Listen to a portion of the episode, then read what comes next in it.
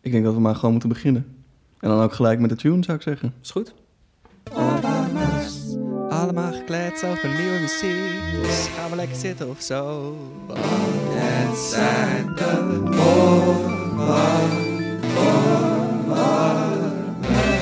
Zo, We zijn er weer. we zijn er weer, we zijn weer begonnen. Wat Af- fijn. Aflevering 13. Aflevering 13. En u zou zeggen dat het een ongeluksgetal is, maar nee. Want we hebben vandaag een, eh, een gast van, eh, een gast van, eh, ja, van, van, hoge, grote, brede afmetingen. En dan hebben we het niet over de fysieke staat van deze mens, maar over wat daar binnenin allemaal huist.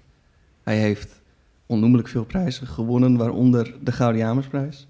Hij is scheppend in eh, het fysieke en in het, en het niet-fysieke. Want hij maakt instrumenten, maar hij maakt ook muziek. Hij speelt ook muziek. Dames en heren, het, is gewoon een fantastisch allrounder mens. Hij is ook nog docent. Ik kan wel heel lang doorgaan. Maar Tom, heb jij nog iets over hem te zeggen? Ehm, ja, zeker. Ja. Ehm, eh, ik heb heel veel over hem te zeggen, maar dat komt straks vast allemaal nog aan bod. Maar ja, wat ik het, wat ik het meest inspirerend vind aan, aan Aard is eh, de manier hoe, eh, hoe praktijk en theorie hand in hand gaan en hoe, eh, ehm, eh, ja, hoe, hoe ver je ingaat in, eh, in muziektheorie en in intellect. En eh, dat vind ik een inspirerende, een inspirerende, een inspirerend geheel. Ehm, en eh, ik leerde hem kennen als eh, muziekgeschiedenisdocent van mij. Eh, wat ook heel grappig was. Ehm, eh, omdat dat later, later wel wat veranderde, eh, onze relatie. Maar hier is eh Aart Strootman te gast. Aart Strootman. Dankjewel. Welkom. Dank. Leuk dat je er bent. Ja, ik ben blij dat ik hier mag zijn. Het voelt, al- het voelt als vanzelfsprekend dat je hier eh, mag zijn. In ieder geval. Ja, ja, ja, Ja. Het, het voelt ook als vanzelfsprekend om met jullie, eh, ik wou zeggen, te ouwe hoeren. Dat is wel Ja, dat is doen. het, Ja, dat is het is. gewoon. Ja, Dat is wel dat de spijker op zijn kop, ja. Ja. Ja. ja. Ja, en eh, waar zou je over willen ouwe hoeren dan, Aart? Ja, dat, ik ben heel goed in ouwe hoeren. dus het is, we hadden het net al over het steppenslurfhondje in de Rotterdamse dierentuin. Die rode draad is denk ik eh, misschien minder geschikt voor een, een oorwarme sessie. Maar eh, wat dat betreft, eh, het is me om het eender. Maar laten we het over muziek hebben. Ja, dat, ja, daar zitten we toch uiteindelijk voor. Ja. Als dat eh steppenslurf muisje op een gegeven moment even de kop op wil steken, dan mag dat. Ja. Ja. je weet het nooit. Ja. En ik noem het een muisje omdat het eigenlijk een muis is. Dus dan denk ik... ik Gaan we meteen een discussie over het Nee, dat is geen, maar dit is geen discussie. dit is gewoon wat ik ervan vind. Nee, dat is prima. Dat is Zonder dat ik tegen de ander zeg wat diegene ervan moet vinden. Ja. Maar mensen thuis, kijk even naar een foto van het beestje. Ja, Voordat u me allemaal eh, haatberichtjes gaat sturen op eh, Insta. ja. Want die DM's die sliden vol. Sowieso is het wel, als je voor het eerst een steppenslurfhondje hoort en je zit nu met een koptelefoon op en je denkt, waar hebben ze het over? Google het even, het is het waard. Ja, zeker. En laten we daarmee ook gelijk dit onderwerp eh, Ja, afronden. ja ik, denk dat, het- ik denk dat de dierentuin in Rotterdam eh, echt eh, helemaal vol raakte na deze podcast. Ik, ik gun het ze. Ja, Zijn ze open nu? Nee, Nee. Oh. nee, nee, nee, het is, eh, en het, er worden heel veel acties op touw gezet om daar, eh, om het, het toch nog wat nodig te doen. Maar de dierentuinen hebben het zwaar, waaronder Blijdorp. Ja. ja. Maar goed, muziek. Ehm, een, van de mooiste dingen, en dat werd in de introductie al een beetje gezegd, is dat jij zoveel verschillende dingen doet eigenlijk. Ehm, je, je, doet, je, je doet onderzoek, je bent een uitvoerder, je bent een schrijver, je bent een, een instrumentenbouwer. Ehm, eh, waar, waar komen al deze interesses vandaan bij je? Hoe, hoe komt het dat, dat, dit, dat dit allemaal aard is? Ja, ik, ik weet dat je stories zijn natuurlijk verschillende punten, maar het feit dat muziek uiteindelijk uiteen is gevallen in al die verschillende categorieën met muziektheorie en ehm, instrumentenbouw die ook een soort van fysieke gewaarwording van theorie zijn, of dan zo zie ik ze vaak. Een hele uitvoeringspraktijk rondom componisten, het feit dat je dat zelf kunt schrijven en dan, dan heb je bladmuziek als een soort van intermediair tussen tussen componist en uitvoerder. Dat, dat zijn allemaal verschillende soort van disciplines binnen de muziek geworden. En ik, ik snap ook wel dat dat ergens goed voor is. Maar soms is het ook wel prettig om, om die grenzen even te laten vervagen.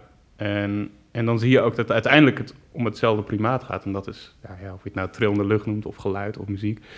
Ehm, het haakt daar uiteindelijk allemaal wel op aan. En ehm, ja, in die zin denk ik dat al die verschillende domeinen ook het onderzoeken waard zijn om, eh, om een zeker begrip op, op een zeker grip op, ehm, op muziek te krijgen. Mhm. Voor, voor, mij, voor mijn gevoel is dat, ehm, is dat bij jou altijd wel hand in hand gegaan. Als in, je hebt eh elektrische gitaar gestudeerd, ehm, maar was volgens mij ook al vrij snel eh, muziektheorie aan het studeren, Ja, het is- bijvoorbeeld. ja, ik denk dat, eh, dat is denk ik een gemeenschappelijke docent van ons. Eh, toen ik als 16, 17 jaar in het eerste jaar kwam van het conservatorium, toen kreeg ik les van Martijn Smits. Inmiddels ehm, eh, soort van afdelingshoofd eh, binnen het conservatorium in, eh, in Tilburg. Maar die gaf toen nog muziektheorie les en was zelf eigenlijk ook nog behoorlijk jong. Wat ik eigenlijk heel tof vond, om gewoon van, van jonge docenten les te krijgen. Mhm. En die, eh, die, die gooide alles wat zijn interesse had naar ons. Wat ook wel heel verwarrend was, maar op een heel goede manier. En hij zat natuurlijk heel diep in allerlei orgelliteratuur en ook allerlei hedendaagse orgelliteratuur. En die liet ons naar Pinkstermissen van Messiaen kijken, terwijl we waren groen als gras. En ja, van daaruit ontstond al snel de gedachte, wat is er eigenlijk... Ja, ik ben hier wel binnengekomen met mijn klassieke gitaar en, en kan mijn repertoire spelen, wat hier eh, verwacht wordt. Maar er is nog zo'n mega grote wereld te ontdekken buiten dit. En dat was, dat was heel fijn om dat via de theorie te doen. Want ja, goed, ik ben geen organist, maar ik kan wel naar die stukken kijken Mhm. en, eh, en er iets uithalen wat me, wat me interesseert. Mhm. En in die zin is het, is, ja, is het ook heel fijn om, eh, om vooral buiten de grenzen van je eigen instrument of je soort van, van gekende habitat van, eh, van de muziek te zitten, te kijken en te zien wat uit eh, te halen valt. En ik denk dat, dat theorie daar een heel, eh, heel prettig in is. En goed, dat kan dan ook. Op het moment dat je met een, met een marker door stukken gaat, dan, dan kan je die marker ook gaan vervangen door een pen en kijken of je in dezelfde stijl of eh, daar iets uit kunt halen wat je eigen schrijven kan inspireren. Hm. Grappig. En ehm, dus, dus Martijn heeft dat bij jou, Martijn Smit heeft dat bij jou getriggerd Ja, voor de eerste keer. Ja, er was een aantal eh, docenten die daar heel druk mee bezig was. Mijn hoofdvakdocent stond er ook wel voor open. En die, die zei altijd, ja, gitaristen die zijn niet erg sterk in theorie. Dan dacht ik altijd, hoe is, ja, hoe is het mogelijk?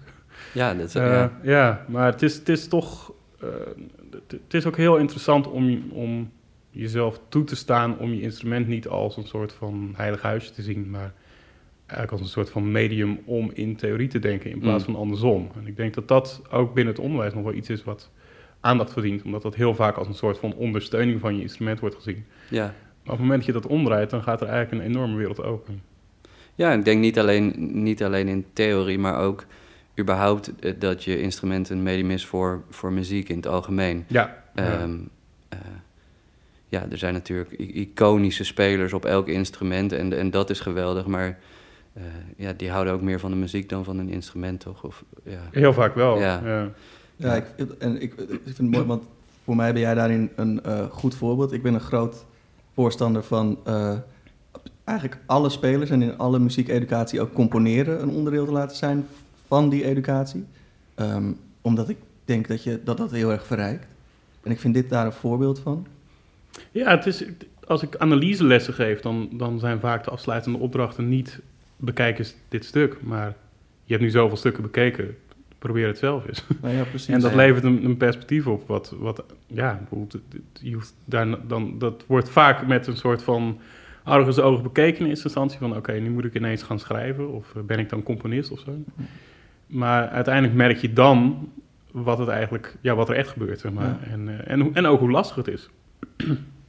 Nee, en en maar het, het inzicht wat je verschaft. En je hoeft inderdaad dan niet meteen componist te zijn. En je hoeft het, als je dat niet wil, niet uit te geven. Je hoeft het zelfs niet eens per se uit te laten voeren. Eh, als je dat niet wil, maar het, maar het, het, het kan je wel zoveel brengen. Ja, Ongeacht je niveau of, eh, of, of je instrument. Ja, ik had, eh, ik had daar wel, ook tijdens een studietheorie, en ik, ik val daar nu ook mijn eigen studenten weer mee lastig. Op het moment dat je, dat je een, een, goede sonate-expositie wil schrijven van acht maten. En, en je leest er een hele hoop theorie over, dat is grappig genoeg op dit moment best veel om te doen. En je schrijft dan acht maten in de stijl van Mozart of Beethoven. En je gaat dan goed kijken, wat heb ik nou eigenlijk gedaan? Dan merk je ineens hoe, hoe geniaal die stukken ook in elkaar zitten. En ik, heb, ik moet eerlijk bekennen, ik luister echt zelden tot nooit naar dat specifieke repertoire, omdat dat, ja, dat is iets buiten mijn, eh, mijn praktijk. Alleen je merkt dan wel hoe, hoe geniaal en, en vanuit een, een minimaal idee er een uitermate gebalanceerde spanningsboog gemaakt kan worden. En dat zijn natuurlijk inzichten die je ook, ja, dat, dat hoeft niet per se met een, eh, met laten we zeggen, een klassieke of klassicistische insteek te gebeuren. Maar dat zijn wel principes die je ook in andere, met een ander geluid of met een andere taal kunt waarborgen. En in die zin is dat, of het nou de barok contrapunt is, of renaissance contrapunt, of een, een of een, een, een ontwikkelde variatietechniek van Brahms. Er zitten elementen in die je ook in een 21e eeuws idioom ehm, in kan zetten. En daar wordt het interessant. Want dan, dan gaat het niet alleen maar over, waar we het net over hadden, die soort van segregatie tussen instrument en muziek. Maar dan gaat het ook al over de, de segregatie tussen geschiedenis en, en de creativiteit anno nu. Nou, dat, dat soort zaken ga je dan ontwaren. En, ehm, en dat is om terug te komen bij waar we starten. Ook het, Het moment om weer... sorry. Nou ja, dat, daar, daar kan je de boel weer aan elkaar gaan knopen om tot iets nieuws te komen. Mhm. En, eh, ja, dat, dat vind ik ontzettend interessant. Ja, mooi. Mooi, amen, zou ik willen zeggen. Nou hebben, we, Eh, nou hebben we Mozart, oh. Beethoven en Brahms al gehoord als naam, maar we zijn natuurlijk een podcast voor hedendaagse muziek. Dus zullen we een beetje naar, naar het eerste... Nou ja, jij, jij hebt ook iets meegenomen, Aart. Eh, wil je er eerst iets over zeggen en er dan naar luisteren? Of zullen we er eerst naar luisteren en er dan iets over zeggen? Eh, laten we er eerst naar luisteren.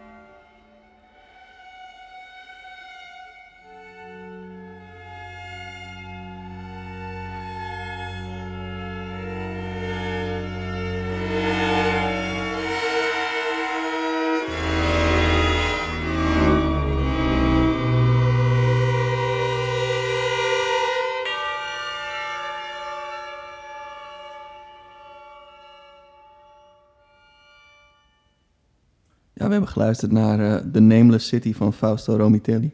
En eh, eh, dit doen we eigenlijk altijd, maar zeker bij een stuk als deze zou ik tegen de luisteraar willen zeggen... ga dit helemaal luisteren, want dit ene minuutje eh, ja, is, is te weinig om er diep genoeg in te zakken, zou ik willen zeggen. Ja, ja, precies. Ehm, maar Aart, waarom, eh, waarom is dit jouw oorwarmer? Ehm, nou ja, er werd gevraagd naar een soort favoriet stuk. En op dit moment zit ik hier, of ben ik hier behoorlijk door gefascineerd. Ehm, het is een taal die Romitelli spreekt, die vind ik bijna zuiver Italiaans voor de tijd waarin het is geschreven is. Ehm, maar het is, ook, het is ook weer heel actueel rondom componisten als Georg Friedrich Haas in Cambridge, die, die vanuit Graz naar Cambridge is gegaan en daardoor weer een enorme focus heeft gelegd op op deze Europese soort van spectrale muziek. En ik vind het fascinerend hoe die een behoorlijk geëikt ensemble, in dit geval een strijkorkest met buisklokken, die heeft een beetje een sinister randje, maar hoe die dat strijkorkest gebruikt in een, in een taal die weer zo, zo radicaal vernieuwend is.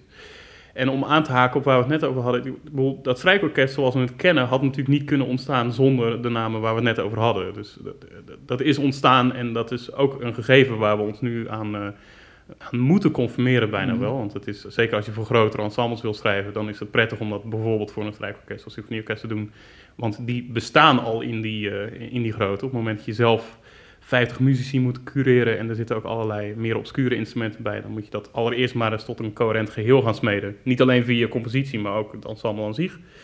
En bij een symfonieorkest is het natuurlijk een gigantische traditie, die ook als een zware last op je schouders ligt, maar waar je ook weer heel veel mooie dingen mee kan doen. En dat, dat vind ik iets wat enorm blijkt in dit stuk. Op het moment dat je een strijkorkest zo kunt laten klinken, ook al is het een, een laten we zeggen, een dankbaar overblijfsel van eh, een meer 19e eeuwse praktijk. Ja, dan heb je iets waanzinnigs te pakken. En hij vraagt iets, en dat, daarom heb ik het vooral meegenomen. Hij vraagt iets van zijn uitvoerders wat eigenlijk enorm gemeen is. Ehm, het is wel een strijkorkest, maar zeker niet in de conventionele opstelling. Hij, hij mengt het meer als een soort van kleinere ensembles en, en vraagt die instrumenten ook deels een klein beetje te ontstemmen. En dat dan vervolgens niet te compenseren in de vingerzettingen. En dat is iets wat, wat heel, wat echt buiten het, de, de, de idiosyncrasie van een, van een strijkinstrument ligt. Want je bent altijd bezig met intonatie. En nu moet je ineens gaan blindvaren, bijna op je vingerzettingen. Met, vind ik, een, een fantastisch resultaat. En dat haakt wel aan bij, bij wat ik zelf graag doe. En Tom is daar ook een keer het slachtoffer van geworden. Dat je, dat je eigenlijk werkt vanuit een muzikaal idee. Je weet grofweg dat het kan op een instrument. Ehm, soms moet je het zelfs fysiek ervoor modificeren, maar ook soms hoeft dat niet. Maar je gaat op zoek naar een soort van technische insteek om dat te gaan benaderen. En dan ontstaat er iets heel boeiends, namelijk een, een dialoog tussen uitvoerder en componist. Met in het midden een soort van klankidee. En dat ga je projecteren op dat instrument. En daar gaat iets broeien en kan iets heel moois ontstaan. En, nou goed, dit stuk van Romitelli vind ik uh, een, een, voorbeeld uh, daarin. Waarin hij dus dat klankideaal eigenlijk op een strijkorkest heeft gelegd. Met dit als resultaat. je gebruikt eigenlijk een, een speeltechniek die voor de speler bekend is. En die, daar ga je iets mee doen, daar ga je mee spelen. Ja, ja, ja maar wel met als doel een, een, een soort van klankresultaat. wat waarschijnlijk die speler ook weer totaal vreemd is. Dus je bent wel gezamenlijk aan het onderzoeken. En dat vind ik een, een belangrijke gemeenschappelijke delen. Ja. Ken je het spelletje Age of Empires? Van naam. Oh ja, nou, dan, uh, dan leg ik hem heel even snel uit. Daar had je zo'n, uh, dan begon je het spel en dan stond je eigenlijk op een uh, hele grote kaart. maar je had maar één vlekje dat je kon zien. En dat was dan, nou ja, als we dat vertalen naar deze wereld, laten we zeggen 10 meter in een straal om je heen kon je zien. En de rest was eigenlijk donker. En je moest dan dus steeds in het donker klikken. En dan liep je poppetje het donker in. En dan terwijl je het donker inliep, werd er steeds meer zichtbaar.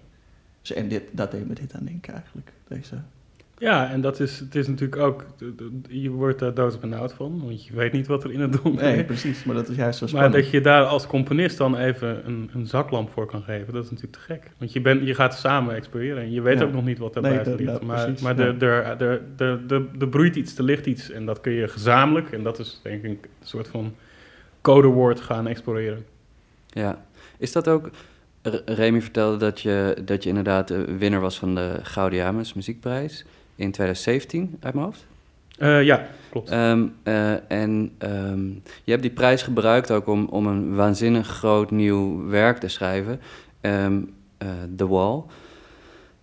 ik, ik vroeg me af, is dit dan ook de reden dat je, dat je zelf je zo hebt ontwikkeld ook in, in het bouwen van instrumenten, om, om, om dit principe nog verder uit te diepen? ja, het is het is een interessant moment geweest uh, in 2017. Ik, wat, het was voor het eerst dat ik dacht, nou ja, die, die prijs is er, uh, laat ik eens een gooi doen. En ik stuurde toen een aantal stukken op en tot mijn stomme verbazing, het was wel grappig, ik, was met een, ik speelde een gitaarconcert van Bryce Dessner in Leipzig. En um, ze hadden me daar in een hotel gestopt en als ik uit, dat was echt naast de beroemde kerk. En als ik uit mijn raam keek, dan keek ik op Bach. Op het standbeeld, ja. En um, ik kreeg een mail van Martijn Buzer met je bent geselecteerd voor de Gaiamusprijs. En ik viel echt van mijn stoel. Maar het was een mooi moment dat dat, dat daar bij elkaar kwam. En uh, nou ja, goed, dan ga je in overleg van wat wordt daar gespeeld. En het leuke van die Gaudiamusprijs is niet alleen maar dat je, dat je met een paar stukken wordt genomineerd. Dat wordt dan uitgevoerd en dan, dan wordt er een winnaar aangewezen. Maar je presenteert je aan en, en, natuurlijk die jury, maar ook aan, aan de anderen die, die genomineerd zijn. Mm. En je maakt ook gewoon kennis met weer geweldige andere praktijken. Want nou, zo'n prijs is uiteindelijk arbitrair. De mensen die geselecteerd worden, daar, daar leer je echt ongelooflijk veel van.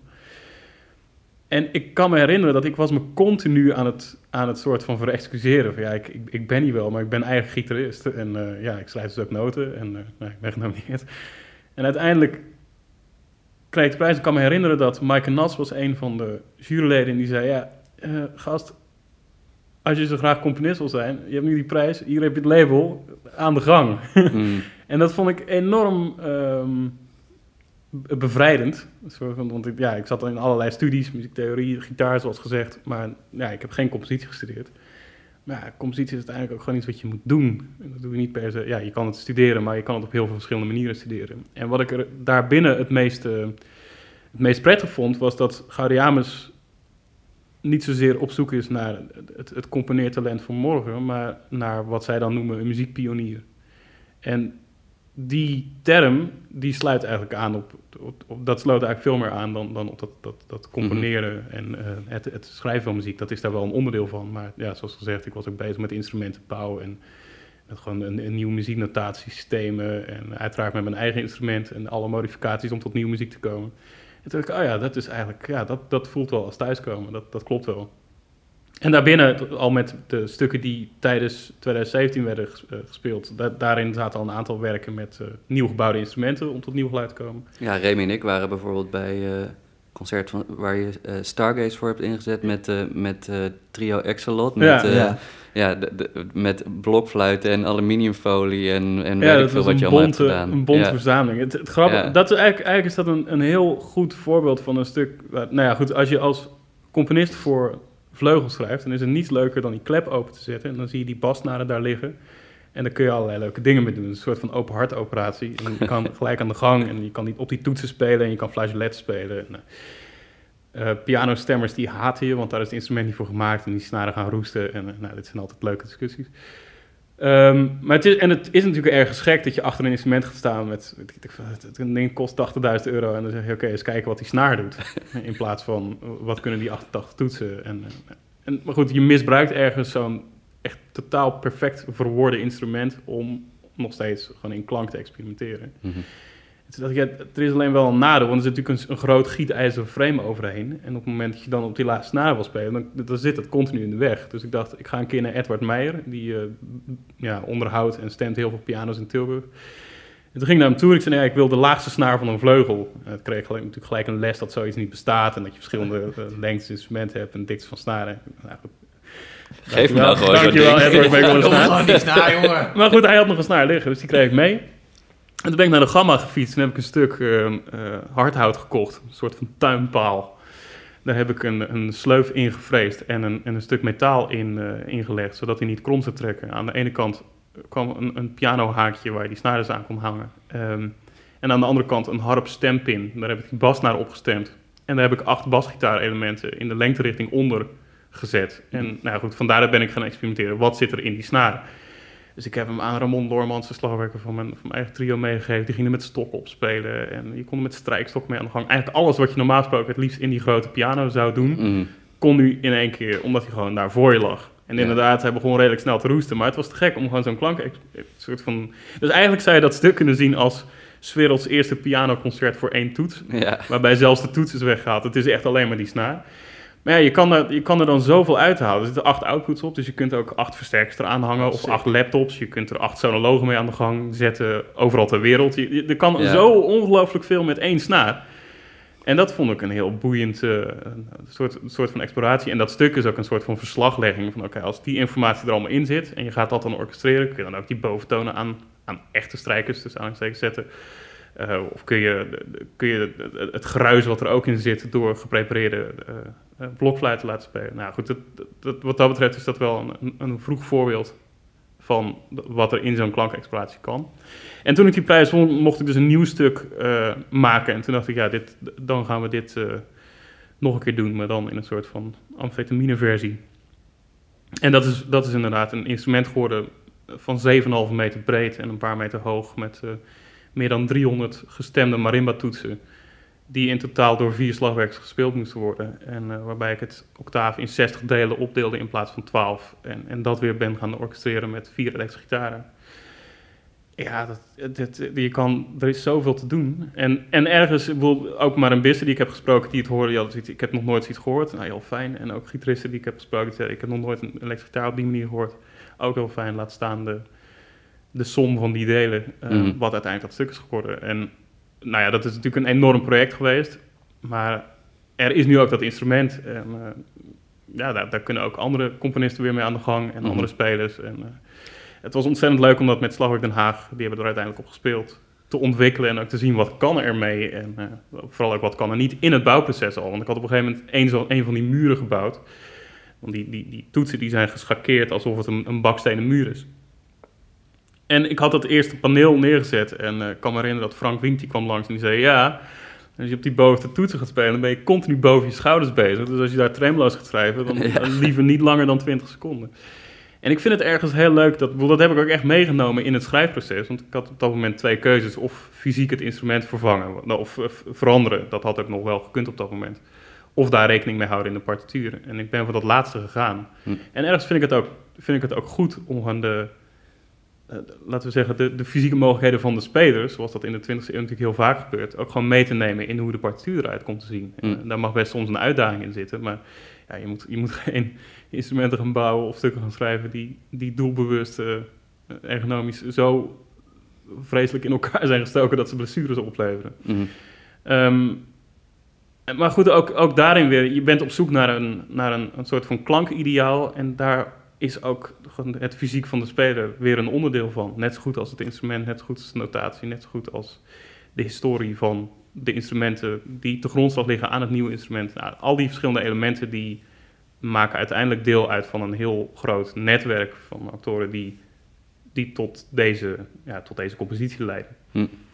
En ik heb dat stuk geschreven en, en je kan natuurlijk heel veel spreken over dat stuk of die partituur, maar dat zijn eigenlijk maar de laatste paar kilometers van de marathon die je ermee hebt gerend. Want je bent met uitvoerders bezig, je bent dat stuk voor stuk die stukjes hout aan het stemmen. Ehm, ja, er komt heel veel meer kijken dan alleen maar die, die noot op papier zetten. En, Ja, ja, dat is, dat, is, dat is ook wel iets waar ik veel mee bezig ben. Ik vind dat ook wel een beetje een probleem met hoe we stukken zien. Dat dat als een soort van heilige graal wordt gezien, want iemand heeft een stuk geschreven. Ja. Maar wat, wat zit er om dat stuk heen en hoe is dat stuk tot stand gekomen, is vaak precies datgene wat op het podium niet te zien is, waar een, waar een publiek vaak heel enthousiast over kan worden. Mhm. En, dan, en dat, ja, dat wordt, vind ik, best vaak vergeten. ja. Hier is dus ook een, een document over dit eh, stuk en de uh, Marima Muur waar je over spreekt. is ook een hele toffe documentaire gemaakt. Ja, Ja. Eh, volgens mij staat die op internet nu voor ja, iedereen die te is kijken, ook die is dus- te vinden. Ja. Behind the Wall heet die. Ja, ik- die zou ik lekker gaan kijken, want daar zie je precies dus dit. Je ziet dus Ook ja, eigenlijk een- aards en struggle. Sorry? Ik wilde zeggen ook nog even een shout-out naar Dries Alkema, Oh ja, die, ja, eh, klopt. die, De eh, de regisseur documentaire heeft gemaakt. ja, Ja, ja. Ja, Dries is een, we gaan lang terug, maar we wonen in hetzelfde studentenhuis in Tilburg. En zijn daarna samen, eh, hij met zijn vriendin en ik ben daar later achteraan gaan, anti-kraak in een klooster komen te wonen Ja, in dat Berkel is Enschot. eh, zo'n ongelofelijke dat, plek. is, ja, dat is nog steeds eh, dat, eh, echt de, de natte droom voor iedere muzikus, componist of iemand die maar muziek wil maken. Eh, ik, kom er nu niet zo graag meer, want het is inmiddels verworden tot een, eh, een bibliotheek en eh, een soort van lokale centrum van het dorp. Zeker. Ehm, niet te veel woorden aan vuil maken. Maar de- de- de- en daarna zijn we toevallig allebei in Rotterdam terechtgekomen. En nu delen we het atelier waar ik mijn instrumenten bouw. Ja. En uh, ja, ik kon dus ook echt als, als een soort van... Uh, met, ja, vlieg op de muur. Mm. Meekijken ja. met hoe dat instrument werd gebouwd. En uh, ja, dat, het is een heel persoonlijk document geworden. Maar ik ben heel blij dat dat er is, want... Uh, ja, je kunt heel zwaar tellen aan, of tillen aan wat een componist is of wat een partituur is. Maar uiteindelijk zie je daar ook gewoon iemand die enorm hout staat te bewerken. Ja, die uren baard, en uren ja, lang. Wiens ja. baard steeds langer wordt en de moedeloosheid slaat ook toe. Maar op een gegeven moment is het er dan. En, uh, ja. Een mooi moment dat je zo helemaal uitgeput bent van al die uren werk en al die... Ja, en dan, en dan vraagt Driesje, uh, Driesje iets en dan zit je daar zo... Ja, gewoon echt helemaal op en helemaal... ja het, is, het is het waard om te, om te kijken als je... Uh, ja. ja, en dat is toch, maar god, dat, dat is toch ook gewoon de praktijk van muziek maken. Ook, ook, als, ook als speler, dat je nu dan even gaat zitten met een borrel. Dat je denkt, ja, hoe krijg ik dit ooit in mijn vingers? Of ik moet echt even die componist bellen, want ik... ik ja, ik ken nog wel een stuk. ja, ja ik, maar daar zit ook gewoon de, het stukje menselijkheid Zeker, in. ja. En, uh, het is, het is ook een, er is een heel mooi boekje geschreven door Christopher Small een tijd geleden. Dat heet Musicking. En dat gaat heel erg over de sociale processen achter de muziek. En hij claimt ook dat zonder die sociale processen er helemaal geen muziek is. Hm. En ik ben het daar enorm mee eens. Want je, je kunt het nog zoveel hebben over de, de kanonieke werken en, noem het allemaal maar. Maar het gaat uiteindelijk ook over wat er gebeurt bij een publiek, wat er gebeurt bij een speler, wat er in het hoofd van een componist rondgaat. En vooral ook wat er in die gezamenlijkheid uh, kan ontstaan. En dat is, dat is zo ontzettend waardevol. Ja, ja, dat vind ik mooi. En ik vind dat ook in het, dat het inderdaad um, uh, in elke discipline naar voren komt. Als componist, als speler, als, als publiek. Je bent, als je, als je allemaal actief bent en je bent eigenlijk bezig met, met het ervaren van hetzelfde ding, dat, dat is een van de mooiste, een van de mooiste momenten. Ja, het is, ook, het is interessant ook. Ik moest denken, nu je het woord discipline gebruikt. Het is, ook, het is ergens ook heel gek dat we terecht zijn gekomen in wat we nu bijvoorbeeld het repetitieproces van een nieuw stuk noemen. Mm. Je, heel vaak is de praktijk nu dat je een, een, nieuw stuk maakt, dat komt dan op de lesnaars van een ensemble of orkest. Die hebben daar een, een, een, een x hoeveelheid tijd voor uitgetrokken om dat in de vingers te krijgen. Dan is er een première en dat was het dan ook weer. Terwijl als je bijvoorbeeld bij dans kijkt, ja, er is een choreograaf, maar die, gaat, die, die, die cureert natuurlijk zijn dansers. En daar ga je al met het sociale. Je gaat dan samen de repetitieruimte in, je gaat exploreren wat er is. Het is niet zo dat een, dat, dat een choreograaf er binnenkomt, ik wil dat je je zo beweegt en zo beweegt. Mhm. Die zijn er misschien wel, maar dat zijn denk ik echt de absolute uitzonderingen. Je gaat ook vooral kijken van, oké, wat zijn dit voor elementen? Je gaat samen zoeken, je, sp- je spendeert weken in een repetitieruimte... en op een gegeven moment ga je uit wat daar allemaal is voorbijgekomen... de, de vruchten plukken en ontstaat er iets. Ja, dat is wel een speeltuinfunctie die we in de muziek behoorlijk zijn kwijtgeraakt. Of Mhm. ik kan me niet herinneren dat ik zelf als speler ooit in een situatie heb gezeten... waarvan we zeggen, oké, nu gaan we zeven weken dag in dag uit repeteren. En uiteindelijk is het dan, is het dan een muziekstuk. Ja, en dat zou natuurlijk ook, dat zou ook veel te kostbaar zijn. Er zijn natuurlijk heel veel Mhm. praktische redenen om dat, om dat niet te doen. Maar ik denk dat het, eh, de muziek best wel te goede zou komen als we van tijd tot tijd onze, eh, ja, onze, dat, dat als een soort van inspiratiebron zouden nemen. Ja, En dan gelijk ook net als bij dans en hedendaags dans gewoon meteen een toertje ervan maken. Precies. Ook Dus Ja. gewoon niet dat, dat Ja. je zegt, nou, dit stuk wordt gespeeld in het concertgebouw eh, aan het ei en dat, en dat is het dan. Maar dat je net als bij dans zegt, nou, we gaan eigenlijk, eh, we doen alle grote steden aan en alle kleine dorpjes met ook maar een theaterzaaltje die gevuld kan worden. Ja, dat je, nou ja, dat, gewoon op die manier nadenken. Maar dat soort, dat soort logistieke, ehm, bijna, ik zou het bijna een soort van gedragingen noemen, die zijn er op de een of andere manier ingeslepen en ingegroeid. En dat is, ja, dat mag ik toch best wel eens gaan bevragen. En soms nou, is dat, eh, soms is dat heel lastig, want dat stuit natuurlijk ook wel tegen systemen die daar ook weer aan verbonden zijn. Maar ja, uiteindelijk gaat het over het maximale halen uit je creatie of je uitvoering. En dat kan volgens mij niet altijd in hoe het vandaag de dag is georganiseerd binnen de muziek. mhm. En dat is, eh, dat is iets om over na te denken. Ja. Zeker als componist. Dan zou je, Ja. zou je eigenlijk een, eh, een podcastaflevering aan, aan kunnen wijden aan, zo, aan het onderwerp. Nou, misschien dat je nog een keer Ja. terug wil komen. Ja, nou ja, dat is, eh, Ehm, Ik heb, ik heb wel, wel Oh. of wil je door naar het volgende ik dacht, we gaan naar de volgende rubriek, maar ik dacht, als jij even iets leuks Eh, hebt, dan eh Ja, nou, ik, ik, ben- ik, wat ik je eigenlijk wel wil vragen, en, en dat is ook een beetje een sport van me geworden als ik, als ik met jou ben, als ik bij jou ben, als we, als we ouwe hoeren, is ehm, eh, ook wel eens gewoon vragen over een stukje ontspanning. Dus over een, een dierentuin waar we, waar we het net voor de opnames even over hebben gehad. Maar is er voor jou ook, eh, luister jij ook naar muziek ter ontspanning? Ehm, ja, maar dat is wel, er zit dan ook alweer de pragmatische, ehm, een, een, pragmatisch stukje aan wat daar haaks op staat. Want dat doe ik voornamelijk als ik bijvoorbeeld onderweg ben. Of, eh, en dat, soms calculeer ik dat wel in. Bijvoorbeeld, de, zit grofweg vier kilometer tussen mijn huis en mijn werkplaats. Soms denk ik, oké, nu ga ik ook echt even wandelen. En dan is dat wel vaak echt met een goede koptelefoon op en ook iets wat ik echt nog wil horen. Hm. Of waar ik echt even in wil duiken. En ehm, ik vind het bijvoorbeeld nu ook wel best lastig met, met hoe, hoe bijvoorbeeld livestreams zijn georganiseerd. Het is, ik kan niet op een bank gaan zitten, een koptelefoon opzetten en even kijken wat iemand daar toevallig live aan het doen is. Ik kijk dan toch, vaak kijk ik dat toch later terug, maar dan wel op het moment dat ik er ook echt even in kan duiken. Hm. En grappig genoeg vind ik onderweg zijn en luisteren een heel fijne combinatie. Omdat het iets doet met tijdbeleving en er is natuurlijk een soort van ruimte-element in. Wat ik heel prettig vind. Ehm, daarnaast doe ik het ook met, met muziek. Dat hoeft niet alleen maar nieuw te zijn. Dat, dat kan ook met muziek zijn waar, waar ik al heel vaak mee heb geluisterd. Maar die eenvoudigweg wat je ziet terwijl je onderweg bent, enorm kleurt. Mhm. Ik vind het geweldig om naar Meshuggah te luisteren terwijl je op Utrecht Centraal staat. Nou, dat is een, zeker buiten corona, gewoon zo'n krioelende mensenmassa en dan die, die echt bijna white noise-achtige metal op je kop hebben. Dat doet iets. Datzelfde geldt voor zo'n zo'n Name the City. Op het moment dat je dan wel in corona tijdens een lockdown met zo'n stuk door de stad loopt, dat, is, dat doet iets. Mhm. En je brengt dan iets bij elkaar wat, wat relatief arbitrair is, maar waar, wat, wat, ik, wat ik eindeloos inspirerend vind. En ehm, het is ook een, een luisterattitude die denk ik in de laatste decennia is gegroeid. Dat, je, op, dat je muziek als een, bijna als een soort van soundtrack kunt inzetten. Dat heeft ermee te maken, daar is heel veel over geschreven, maar dat heeft ermee te maken, al sinds de Walkman is dat aan de gang. Alleen het wordt, het wordt steeds laagdrempeliger om die soundtrack te cureren. Mhm. En het wordt ook steeds interessanter om ehm ogenschijnlijk heel vreemde ehm, momenten bij elkaar te zetten. En de muzikaal momenten als in de, de muziek die je aan hebt staan. En ja, bijvoorbeeld een lockdown of een krioelende mensenmassa op een station. Ja.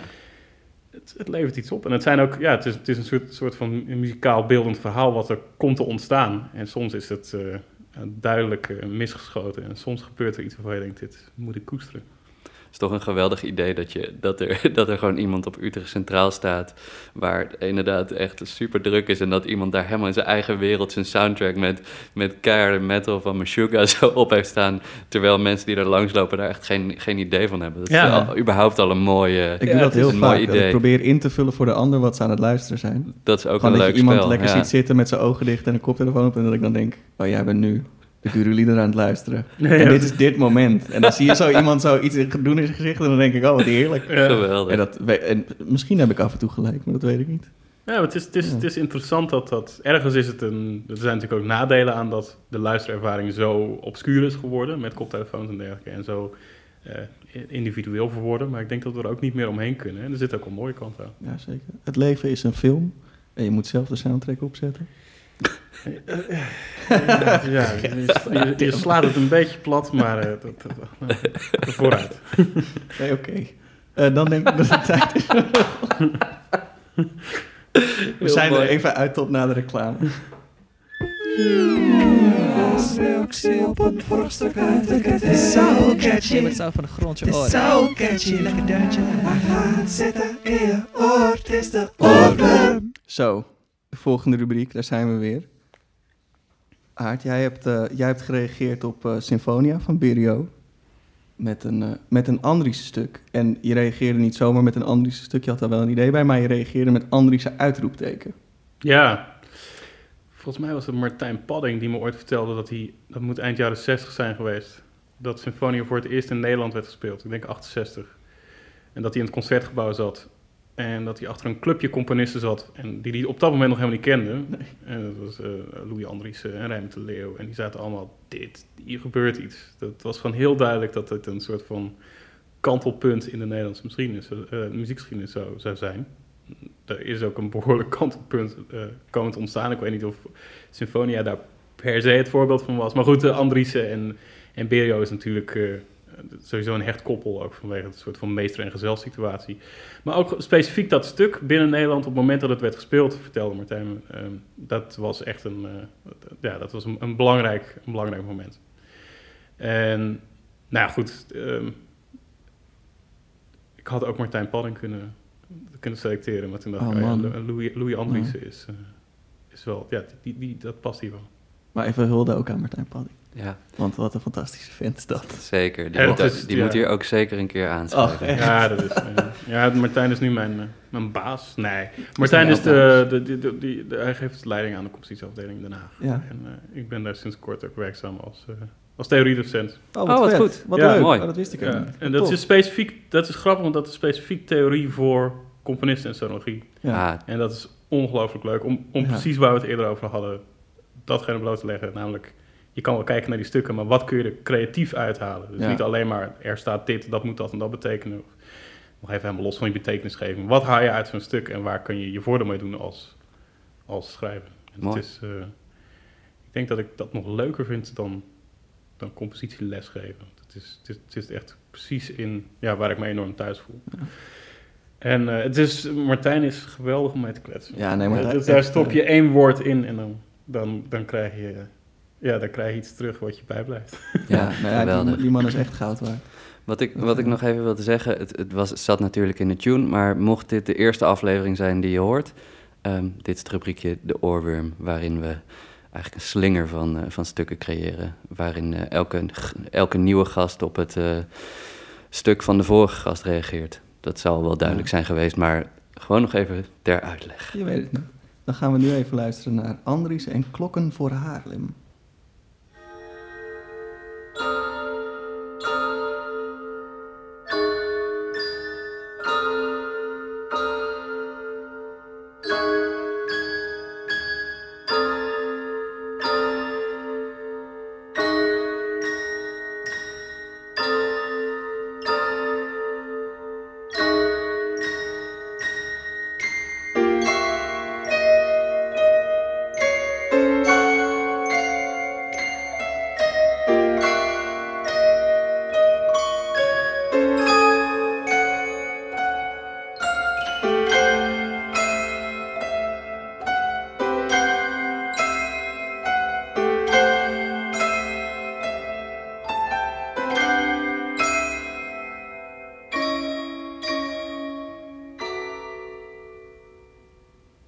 Voor Haarlem. Ja, over. Hoorden jullie de Sint-Bavo?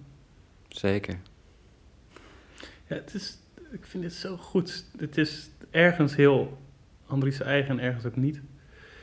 Je hoort, je hoort eh, ergens de Haagse, Haagse hoekigheid, maar het is zo, zo ongelooflijk charmant georchestreerd. Alleen maar toetsinstrumenten en dan die, die mengklanken die inderdaad eh, bijna belachtige kwaliteit hebben. Maar en ook een zekere uniformiteit vertegenwoordigen die, eh, heel, of die mij als luisteraar heel erg meenemen in de, de, de kleine veranderingen die hij in harmonie kiest. En eh, ja, zoals zoveel werken van Louis Andriessen. Ongelooflijk mooi. Ja, ja ik had, eh, ik had als, eh, als, als mijn oorwarmer, mijn lievelingsstuk in aflevering 1, ook Andries meegenomen. En daar, daar was jij eigenlijk ook onderdeel van. Ik, ik vertelde toen dat, eh, dat ik via dat stuk, via het stuk hout, eh, Anthony had leren kennen. Maar jij hebt, eh, jij hebt dat samen met mij uitgevoerd toen. Dat was eigenlijk, eigenlijk mijn, als we het hebben over een oorworm, dat we, daarin was, was jij degene die mij eh, eh, ja, inspireerde om daarin verder te gaan eigenlijk ook wel. Ja, ja, het is, ja, het is goed. Uber-etude. Uber dat, etude, dat ja. stuk. Het is echt, eh, ja. Dus was dat onze eerste? Denk het wel. Ja, Denk het wel. ja wel gelijk een goeie. Ja, het is, Andries heeft zoveel fenomenale kanten en eh, zo uitdagend op heel veel niveaus dit werk is, of hout is, is, is, dit ook al de... eh, dat vind ik bij Klokken voor Haarlem, daar zit ook een... Daar zit nog steeds die hoekigheid in, zoals gezegd, maar er zit ook een, een soort finesse in zijn orchestraties die echt die, die ongeëvenaard is. Mhm. Zeker. Met zoveel consistentie. En ja, blijft. eh, kan je trots op blijven dat we dat, dat, dat gewoon. Dat dat gewoon een, Nederlandse is. Ja, precies. Ja, dat is toch heerlijk. Ja, Al die nee, maar dan Duitsers zouden- die dan komen met wow, wow, wow, wow, wow. En dan denk ik altijd, nou... Het is wel grappig. Ik kan me herinneren. Volgens mij, ik weet even niet meer of het Donau Eschingen was of. eh, ik denk Donau Eschingen. Volgens mij heeft Bert Festival Palings- in ja, Duitsland, ja. ja. Heeft Bert Palings me het ooit verteld dat Andriessen ook met een eigenlijk een klok over Haarlem-achtig stuk was gecureerd om daar ook een nieuw stuk te komen brengen. En dat werd toen weer zo'n enorm beukstuk. En Nou nou, de, de haat-liefde verhouding tussen het, het, laten we zeggen, die, die, die nieuwe Duitse esthetiek en Louis Andriessen werd daar even heel duidelijk.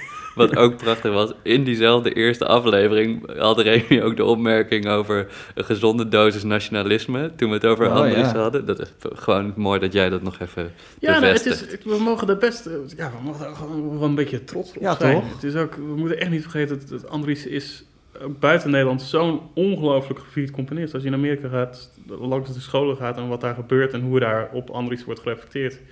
Nou, we kunnen precies. een puntje aan zuigen. Heel bang on a can, weet je wel. Gewoon, ja, dat is eh, een, een totale eh, soort van traditie die hij daar heeft ingezet. Ja. En, eh, maar ook, ook de manier van werken daarmee. En dat gebeurt in Nederland ook wel, maar dat gewoon een, gewoon een LA Philharmonic die zegt, eh, ja, zeg het maar, we gaan het doen. Ja, En, dan, maar ja, ik ik wil een orkest, maar dan wel zus en zo. En die, die instrumentgroep moet eruit. Ja, is goed, gaan we Ja, ja, doen. maar ik vind, ik vind dit even het moment om Remy, aan te halen adem ook ja, even. Ja, wacht even. Nee, maar er, er was een documentaire over eh, Louis Andriessen. Volgens mij Mysterie was dat stuk. En dat, was, en dat werd gespeeld dan. En was het Marius Jansons die stond te slaan zeg maar, voor, het, eh, voor het orkest, dat, dat denk ik. Eh daar werd een documentaire over gemaakt. En dan zag je dus hoe zowel de dirigent als het orkest eigenlijk ja, volslagen respectloos omgingen met Louis Andriessen. Terwijl, zeg maar, dat was, dat was wat, nou, acht of tien jaar geleden ongeveer. Dus dat, toen kon je al helemaal niet meer spreken van Andriessen is nobody, weet je wel. Dat, dat, was, Ja. dat, dat was niet zo. Maar Nou ja, toch en werd ook- ermee omgegaan alsof hij ja, net van het consortium afkwam en niks kon of zo, weet je wel. Met lacherige strijkers die daar zitten van, oh, wat moeten we doen? Ja, en het is, Hm. ja, dat, dat document aan de ene kant denk ik, het had nooit gemaakt moeten worden, die documentaire. En aan de andere kant denk ik, laten we daar onze lering uit trekken. Maar ook wat Ja, daar precies. gebeurde, even los van hoe de, de muzici op reageerden en ook hoe dat in beeld is gebracht. Want er is natuurlijk ook gewoon uiteindelijk een montage gemaakt en, en er is een bepaald onderwerp uitgehaald. En dat vind ik nou niet bepaald het meest charmant wat we eruit hebben kunnen halen. Mhm. Maar wat ik, wat ik eigenlijk problematischer vond en nog steeds vind, is het gegeven dat er dan zo'n stuk ligt. Het is voor het eerst in decennia dat er een orkestwerk wordt Ja. geschreven door Andriessen. En dat wordt dan één keer in het concertgebouw uitgevoerd. Ze gaan daarna notabene naar Azië op tournee. En ze nemen dat stuk niet mee. En dat is echt, dat vind ik nog steeds een grote, grove fout. Ja. En we hadden het eerder over eh, de, de choreografen die met hun dansvoorstellingen langs, langs alle straten gaan. Ja, als je de mogelijkheid hebt en je hebt zo'n stuk, pff, doe het alsjeblieft. Ja, Maar, maar, ja. gewoon, zeg maar ik heb liever dat ik, te- dat ik achteraf tegen je moet zeggen van... nou, dat heb je wel een beetje uitlopen melken... dan, dan dat ik moet vragen, waar, waar was dat stuk nou? Ja, ja maar goed, dat- dat- er ligt dan dus zo'n stuk. En daarin merk je, dat, dat was, ja, daarin merk je dus hoe er eh, om wordt gegaan met, met, met dergelijke kunst. Ehm, het, het waren de, in, Ame- in Amerika de actieve dirigenten die zeiden... ja, we gaan dit nu op het repertoire zetten en we gaan Ja. daar mee toeren... of in ieder geval meerdere zalen mee rond. En Mhm. nou ja, Jaap van Zweden deed dat in, eh, in New York. Maar volgens mij was het Dudamel die in, eh, in, in Los Angeles zei... we gaan dit sowieso eh, omarmen en, Ja. en spelen. En dat is Ja. natuurlijk, ja, dat, is, dat had gewoon in Nederland moeten gebeuren. Ja, pijnlijk ook wel een beetje bijna. Ja. Ja, Nou ja, vind, vind ik dus wel. Dus Ja, dat, eh, zeker. vandaar dat ik net eventjes opgewonden werd. ja. Ja. ja, terecht. Dat gewoon Het is je goed recht. Ik bedoel, het is inderdaad... Die, misschien had die documentaire niet gemaakt moeten worden... of niet uitgebracht moeten worden... maar het, het legde voor mij wel heel pijnlijk bloot... wat er, wat er nou gebeurt. Ja, En wat je is- tegenkomt ja. als, je, als, je, als je gewoon op... Ja, nou laten we laten, gewoon op super hoog niveau... eh, daar, met een, daar met een stuk muziek komt. En dat daar zo mee omgegaan wordt in onze cultuur. Mhm. En dat die hele orkestcultuur, als zo leek het op beeld... dat gewoon normaal leek te vinden. Ik wil hierbij wel trouwens zeggen dat de harpisten...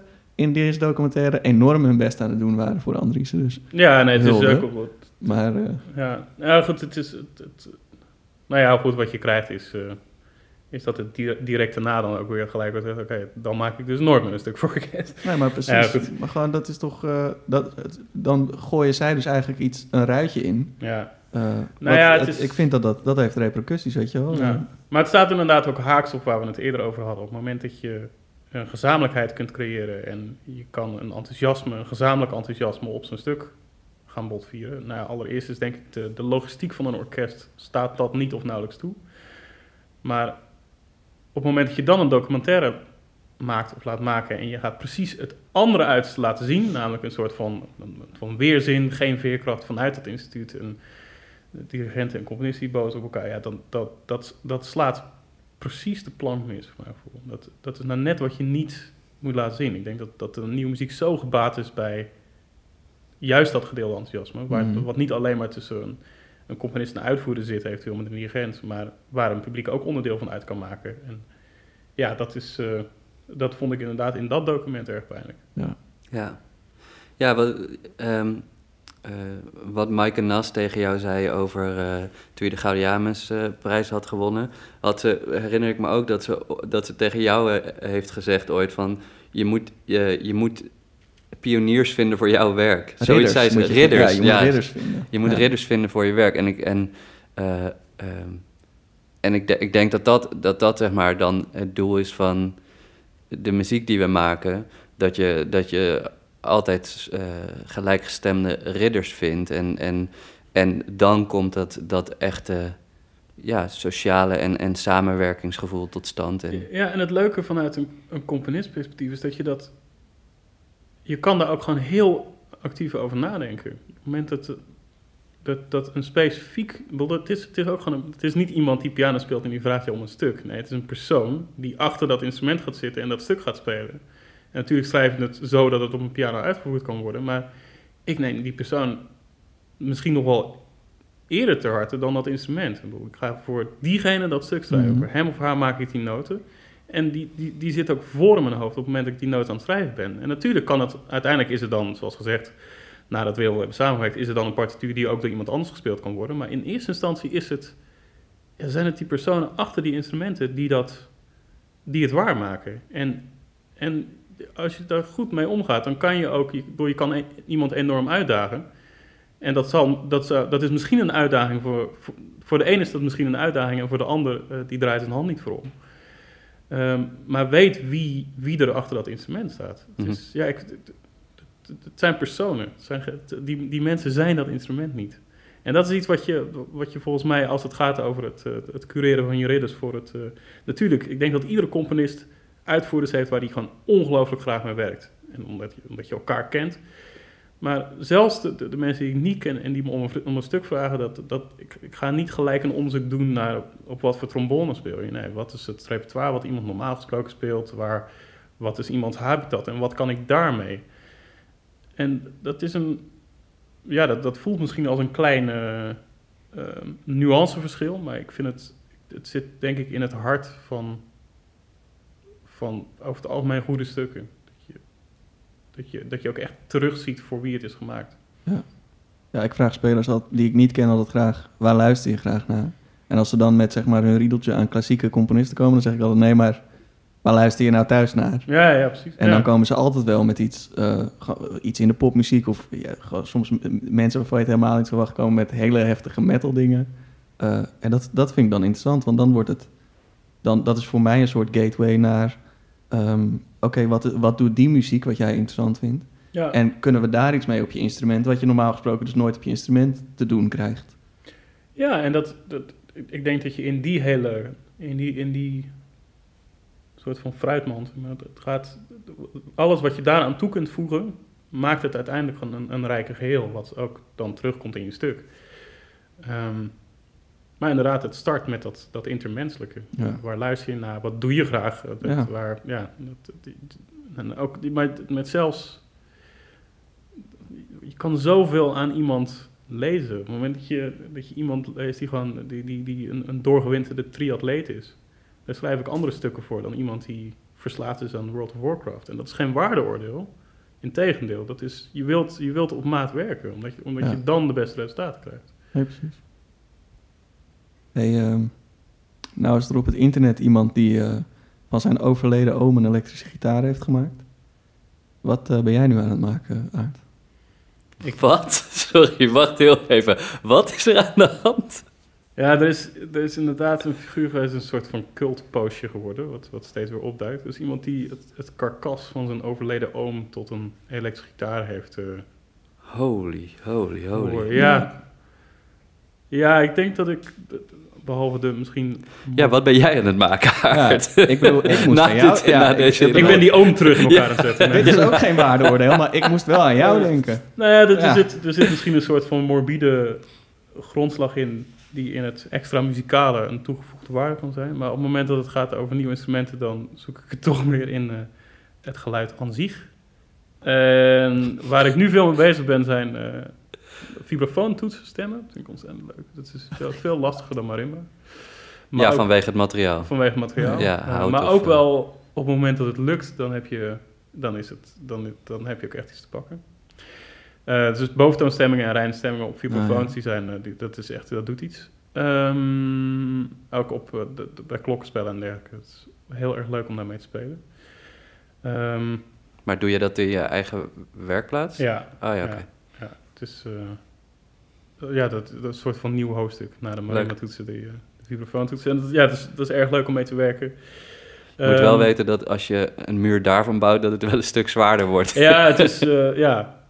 En het galmt zo. Nou goed. Goed, ga verder, sorry. Ehm, en ik ben een, ja, er zijn een paar wat omvangrijkere stukken waar ik mee bezig ben. Eh, een stuk voor Alistair Song, een van de cellisten van eh Cello Octet. Ja. Ik maak een omvangrijke solo voor hem, die ook door het Cello Octet gespeeld kan worden. Dus Oh, dat tof. is of een, een soort van multitrack werk, of het, eh, of het kan Ja, goed. Ehm, daar ben ik druk mee bezig en dat gaat, dat gaat best hard in die zin dat ik... Ja, de- iedere keer als ik iets voor hem schrijf, wordt het een soort van music in 12 parts. Zeg maar. Het zijn wel niet een soort van organische golfbewegingen die ook heel veel tijd nodig hebben. Dus ik, ik vrees dat het... Vrees, ja, ik weet niet. Ik denk dat het een, een heel omvangrijk werk eh, zou kunnen gaan worden. Het is heel leuk om met hem te werken. En dat is dan misschien ook weer een van de voordelen van corona. Ik bedoel, Niet alleen iedereen is wegwijs geworden op, op Zoom, Teams, Skype, nou, noem alle platforms maar. Maar iedereen heeft nu ook een, een microfoontje thuis en kan even wat dingen inspelen. Ja. Dat is ook wel een heel waardevolle bijdrage aan wat we besproken hebben vandaag. Dat je gewoon iemand een WhatsApp-berichtje stuurt met een fotootje uit een partituur. Dat is gewoon van je scherm genomen en spelen van, hé, hey, kan dit eigenlijk? En dan, krijg je, dan krijg je een filmpje terug met, ja, dit kan wel, dit kan niet. Dat is boeiend. Het is leuk om dat te zien, wat, wat daarmee kan. En datzelfde geldt voor, eh, voor omvangrijk, want dit zijn dan een soort van losse vragen. Maar op het moment dat ik een schets heb gemaakt, dan stuurt hij, het me vaak in. En dan, dan kan je dat een beetje gaan mixen. Je kan ermee aan de gang. En alles wat je digitaal aan tweakt, kan dan ook een, een plek krijgen in de, eh, in de partituur. Dus het is een, eh, een ander soort... Het is een gelijkaardig bouwwerk, maar op een andere manier opgebouwd. En dat is erg leuk om daar met hem aan te werken. Ja, tof. Heel Geweldig speler, ja. Ja. Gek. Ik was even naar de tijd aan het kijken. Geweldige spelers, dat, is, het, dat is het toch. Hè? Je moet gewoon geweldige mensen bij elkaar hebben. Ja, Ja. Ja. iedereen, ja, en iedereen heeft ergens, ergens iets geweldigs. Iets waar je, waar je als speler heel enthousiast van wordt en iets waar je als componist heel enthousiast van wordt. En als je daar een goede knoop in kunt binden, dan ontstaat er ook iets moois. mm. mooi. Ja, tof. Ja, ik, eh, ik zit erover te denken om hem een beetje af te sluiten nu. Ja, vond het gewoon echt heel tof. ja, fijn dat je er was. Ja, enorm Bent. bedankt Aart. Ja, dank dat ik er mocht zijn. Ja, Gek. Als de microfoon nou uitgaat, gaan we het dan weer over het steppen slurfhondje Dan gaan we het gelijk weer over het stepslurfhondje. Dan, ja. eh, en het is nog ochtend, maar ik- heb wat bier koud nee, sorry. je hebt dat nu beloofd, dus zeg maar... eh, ik ga ontwenningsverschijnselen krijgen als het niet komt nu. Goed, Ik ga naar de koelkast. zie je daar. Aard, dankjewel. Dankjewel. En eh, tot over twee weken zou ik zeggen, hou je oren warm. Precies dat. Doei. Doei. Dames, heren, componist, speler, uitvinder, bouwer, onderwijzer, chiller. Tot nog toe is er nooit zo'n breed mens gehoord. Hebben we toch maar mooi te gast gehad vandaag. Ik ben er per abuis de boeken van Morton Veldman gaan lezen. Zou u ook moeten doen. Goed.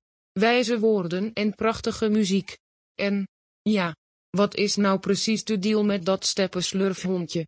Mijne keute. In de volgende aflevering hebben we Melchior Huurdeman te gast. Radio- en tv-presentator van Vrije Geluiden.